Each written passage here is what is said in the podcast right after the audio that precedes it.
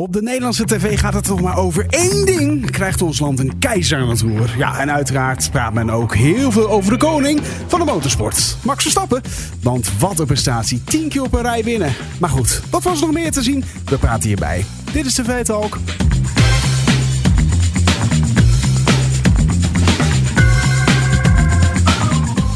Wederom heet ik alles en iedereen van harte welkom bij een nieuwe aflevering van TV Talk. Dit is de podcast die iedere dag bijpraat over wat je hebt gemist op de Nederlandse televisie. Mijn naam is Daniel en ik zit hier met Erwin. Hi, goeiedag. Hallo Erwin, jij bent beeldredacteur bij Hart van Nederland. Televisieavond van 3 september, de eerste podcast van die maand die wij maken. Ja. Ja, wat was het? Was het een spannende kick-off of was het een beetje... eh, Wow, eh, eh, Het, het was een prima avond. Het- het was Eh, een prima avond. Ja, Postcode Loterij Miljoenendag is weer begonnen. Ja. Dat was, eh, dat was wel leuk. Eh, er was ook een nieuw programma op SBS6, You Never Walk Alone. En ik weet niet of je dat mee hebt gekregen, maar Nee. dat, het, ja, dat is een heel nieuw Ja, ik heb het programma meegekregen, maar dat... eh, want, we- ja, leg uit. Ja, nou, het is een heel concept. Eh, er doen drie teams mee met vijf mensen. En uiteindelijk eh, is ook elke keer na een route moeten ze dan iemand naar huis sturen. En blijven uiteindelijk twee mensen over per groep. En die mensen gaan dan strijden om 50.000 euro uiteindelijk. Oh, Oké. Oh, En- wacht. Ik denk dat ik een paar weken, maanden geleden de aankondiging van dit programma Ja, dat kan wel, ja. podcast. Ja. En nu is, nu is het daar eindelijk. En Ja. Ondertussen moeten ze langs checkpoints lopen. En dan moeten ze eh, een keer een opdrachtje doen.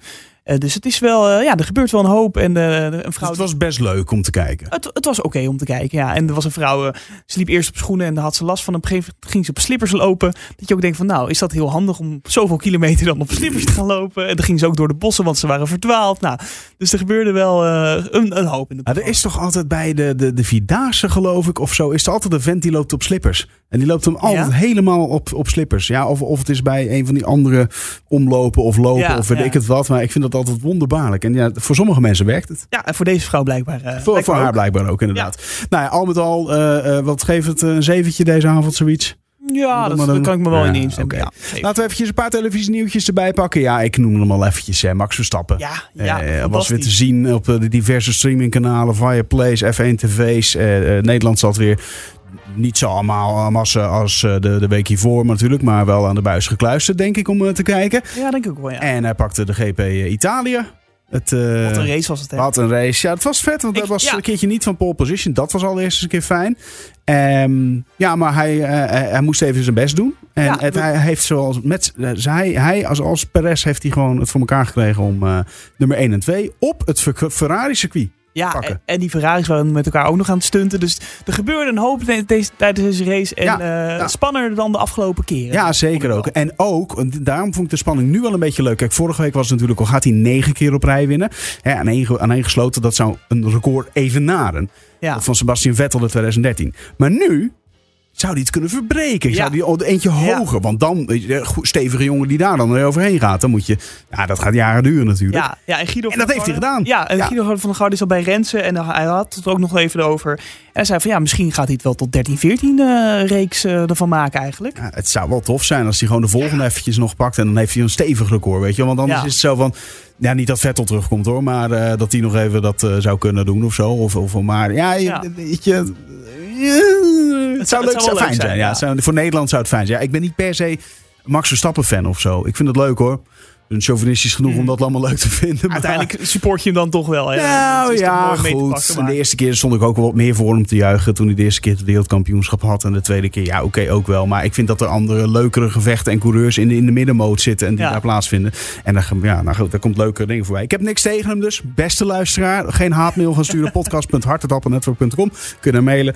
Maar doe dat alsjeblieft gewoon om een degelijke discussie. Want eh, die ga ik met, graag met je aan. Maar eh, niks, niks, geen haat tegen de jongen. Maar eh, ik, ik heb er gewoon niet zoveel mee. Ja, dat kan. Anyway, ehm, twee andere dingetjes even kort. Eh, ja, avondshow met Arjen Lubach, die is er weer. Hè? Die eh, begint weer... eh, Gaan we ook weer kijken. Dus, dus waarschijnlijk komen daar van de week al fragmenten voor in de podcast ja, voorbij. ja, zin in. Ik heb zin in zo'n recalcitrant liedje.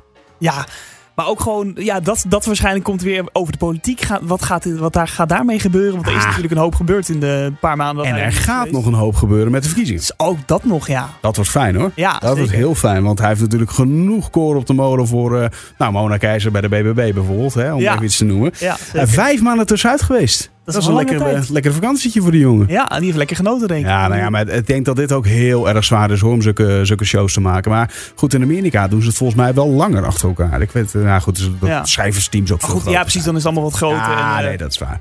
Ehm, tot slot, eh, eh, ja, dat was een beetje de vraag, hè? want je noemde het net al eventjes miljoenenjacht. ja, dat is weer begonnen, hè? Dat Ja, meld ja, ik net al. ja. Maar Linda de Mol, die was natuurlijk in juli van de trap afgesodemiet het buiten ergens. Klopt, ja. En was maar de vraag, zou zij die grote showtrap, weet je wel, van, van Ja. miljoenenjacht af kunnen? Het moment van de uitzending Het altijd. moment van de uitzending.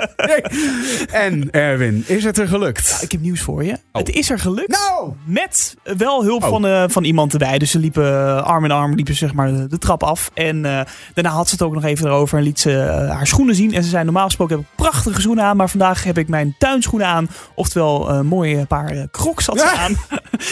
en toen liet ze ook nog even de voeten zien dat het best wel opgezwollen was. Ja, dat snap ik wel. Ja, ja. Nou ja, oké, eh, props voor haar. Goed, tot zover televisienieuws. En dan ehm, eventjes eh, daadwerkelijk nieuws. Want eh, Pierre van Hooijdonk, Ja, hij schoof weer aan bij Studio Sport. hij zit er weer. Hij zit er weer. En eh, nou, het fragment wat we klaar bestaan, biedt hij eigenlijk nogmaals de excuses aan. En heeft, hebben ze daar even over bij de studio. Ja, fijn dat je er bent. Dank je. Hoe gaat het met je? Ja, eh, het gaat goed. Zoals je je voor kan stellen is het, eh, is het nu eh, iets rustiger dan, eh, dan drie weken geleden. Ja, want daar moeten we toch nog even op terugkomen. De laatste keer dat jij hier zat, toen jij eh, Ajax-trainer Maurice Stijn betichtte van de betrokkenheid bij duistere deeltjes. Je hebt daarvoor daarna je excuses gemaakt. Kun je vertellen waarom je die excuses hebt gemaakt? Nou ja, omdat ik met mijn opmerking, daar had ik geen bewijzen van. En ja, dat moet, je, dat moet je niet doen, dus vandaag mijn excuses. Heb je ook nog contact gehad met eh Maurice Stijn? Ja, ik heb eh, contact gezocht. Ik heb contact gekregen eh, eh, om het uit te praten. En ik heb contact gekregen met Maurice, die, die het daarvoor nog te vroeg vond. Maar wat mij betreft, en dat begrijp ik ook, wat mij betreft staat die deur open. Ja, dus je hoopt dat het gesprek er gewoon dit jaar nog komt. Ja. dit seizoen. Er blijft natuurlijk wel één vraag eh, boven de markt hangen, die misschien veel mensen thuis hebben. Ik denk van ja, kan, kan je dan nog nu onbevooroordeeld praten over Maurice Stijn en over Ajax? Nou ja, wij hebben daar vertrouwen in, omdat we al jarenlang met je werken. En Rafael zei het volgens mij de vorige keer ook mooi van ja, we, we zijn een team, eh, we kennen je lang. We weten dat je je altijd uiterst eh, goed en gedegen voorbereidt. Eh, iedereen kan een uitglijder maken. En dit keer ben jij het en misschien ben ik het de volgende keer of iemand anders aan tafel. Dan hopen we ook dat we een, nieuwe kans krijgen. Dus wij hebben daar vertrouwen in, ook omdat we er eh, met elkaar over gesproken hebben. Daar waren de kijkers natuurlijk niet bij. Kun je daar iets over zeggen, hoe je dan zelf naar de toekomst kijkt? Ja, ik, ik begrijp heel goed dat ik het vertrouwen van de kijker weer, eh, weer zal moeten terugwinnen. En, en ik heb er ook alle vertrouwen in dat ik ook objectief naar de trainer Stijn en Ajax kan kijken... zoals ik de afgelopen tien jaar dat ook heb, eh, ook heb gedaan. Wat een enorm brok emoties die man toch, hè? Ja, je merkt wel alles. Hè. Je, het emotie spat er vanaf. Ja, ja. Nou ja, goed, dit wordt al netjes uitgelegd in het fragment waar het over gaat natuurlijk. Hè. De, de, de hele Stijn-rel die die beticht zou hebben van eh duistere zaken. Nee, dat was ook een duistere, Duistere deeltjes. Ja, en dat was helemaal, nee, heeft helemaal geen bewijs voor gehad. Nee, en, Dus- want zijn zoon speelde toen ook bij de club waar hij dan eh, werkzaam was.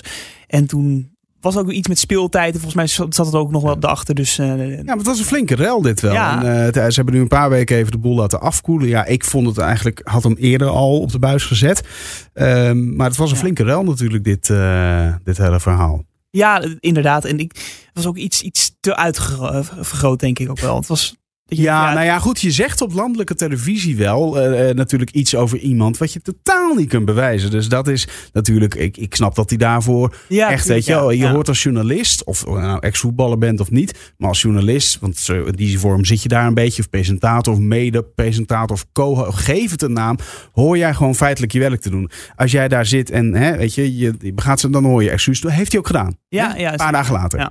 En dan zou je zeggen, nou dan zou hij die week erop met een tekst en uitleg weer kunnen zitten. Maar goed, ze hebben een paar weken laten, laten afkoelen. Is allemaal een keuze geweest van de NOS en misschien van Hoordonk zelf en weet ik het wel. Nee goed, er is contact met eh, Stijn, Ja. gezegd. Maar dus nog niet echt. Hij wil nog niet met hem spreken. En Ja. dat zal de loop der tijd eh, ook wel gebeuren. En maar ik denk dat eh, Marie Stijn ook wel denkt van hij heeft grotere zorgen bij Ja. Ajax op dit moment. Eh, Ja. Dat loopt allemaal niet zo lekker. Dus ik denk dat hij daar meer de focus op moet leggen dan dit soort extra Ja, wijzen. nou dat. Maar ik zou, als ik Stijn was, ge- was geweest, gewoon, weet je, nog één keer even erover praten. Dus zo'n bakje koffie. En dan is het ook helemaal klaar. Want nu laat je het nog een beetje doorzweven. En weet je, je komt elkaar misschien een keer tegen. En dan wordt het toch een ongemakkelijke sfeer. En weet ik het. Ja, en je weet natuurlijk, ik, ik- voor Van Hooydonk is nu ook een beetje van ja. dus hij zegt wel dat hij nu objectief ernaar kan kijken. Maar ik vraag me toch af in de gesprekken van. Hou je toch in en dan denk je toch dubbel na voordat je iets ja, zegt over, precies eh, dat over ook nog. Dus het, eh, daar zal Relatie. misschien wat meel in de mond gaan, gaan praten. Op die Ja. ja. Anyway, volgende fragment komt uit Renze. Ja, Renze, daar zit politiek duider Frits Wester aan tafel. En daar gaat eigenlijk de discussie over, over de BBB en dat Mona Keizer er nu bij komt. En of dat wel goed is eigenlijk voor de partijen. Van der Wacht, het meest heet van de naald is natuurlijk de afgelopen vrijdag. De aankondiging van Mona Keizer als premierskandidaat bij BBB. Eh, dezelfde avond zaten ze, hè, zat ze met Caroline van der Plas bij op één. Heb je dat interview gezien? Ja, Ja, Wat, eh, wat vond je ervan, Frits? ja dit is. eh, nou ja. Wat je zo meteen gaat zien, kijk, eh, dat zag je ook in dit interview, dat zag ik op de foto's al eh, die gemaakt werden van beide. Eh, formeel heeft eh, BBB één lijsttrekker, dus Caroline van der Plas. Maar materieel hebben ze natuurlijk twee straks. En de ervaring leert dat als je twee kopstukken hebt, net als in een uh, wielerploeg eh, in de Tour de France, als je twee kopmannen hebt, die gaan tegen elkaar concurreren. En dat ga je nu ook al langzaam zien bij BBB. Twee kopvrouwen. eh, en eh, wie gaat straks wat doen? Iedere uitspraak die even afwijkt van de ander, wordt natuurlijk uitvergroot.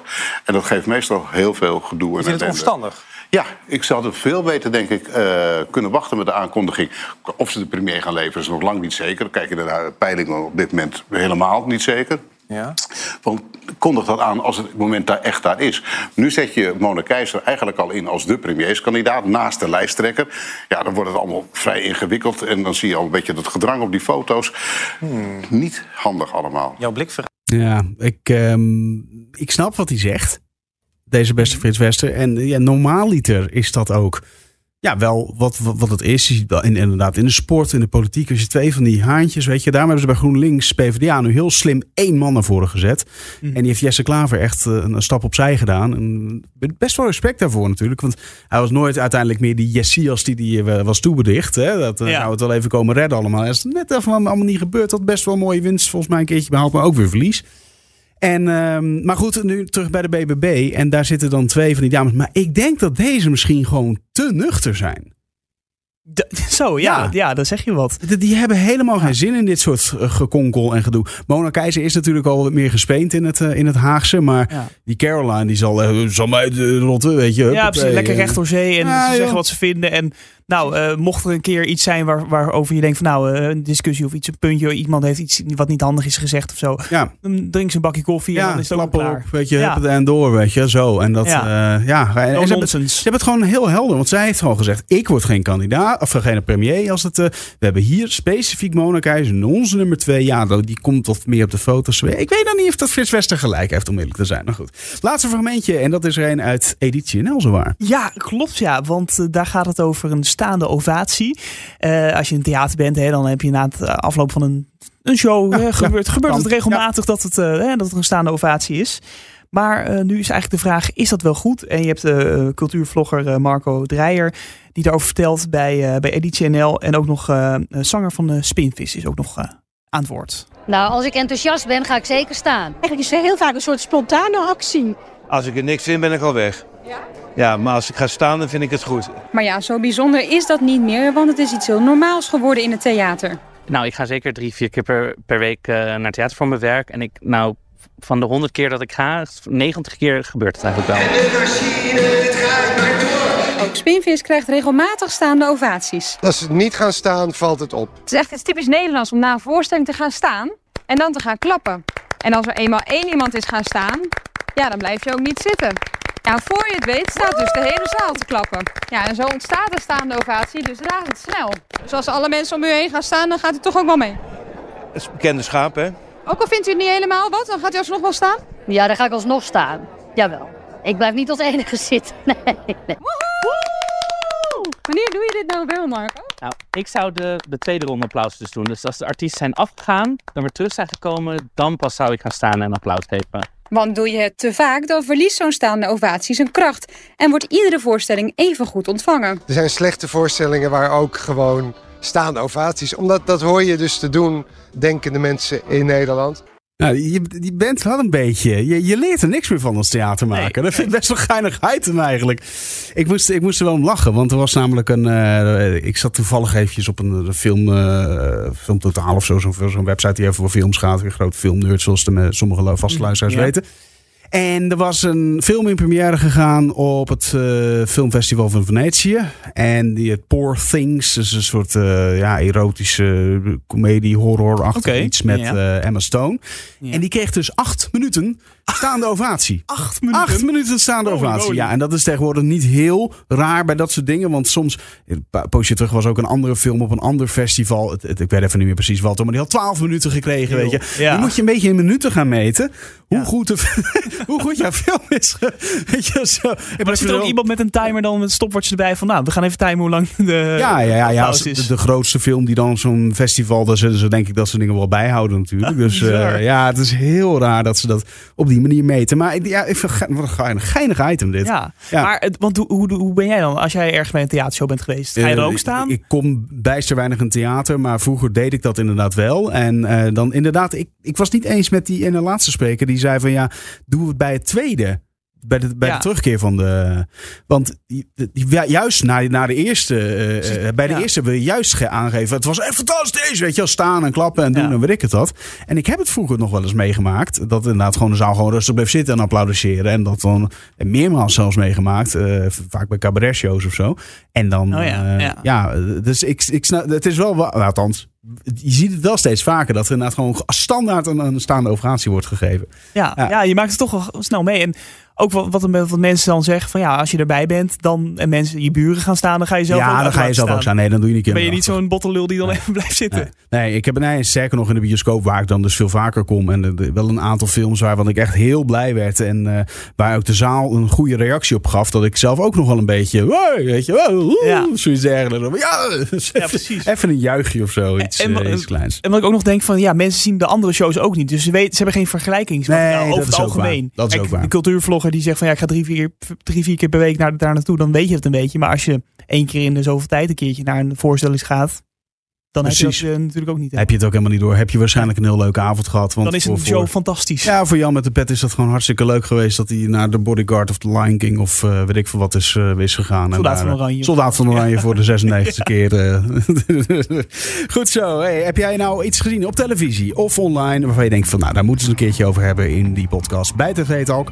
Laat het dan weten. Podcast.hart.alpanetwork.com of gebruik hashtag TV Talk. Welkom voor alle berichten. En vergeet vooral niet te abonneren. Dan mis je helemaal niks. Erwin, dankjewel. Graag gedaan. Ja, als luisteraar natuurlijk ook weer. Morgen zijn we er weer. Heel graag tot dan. Bye bye.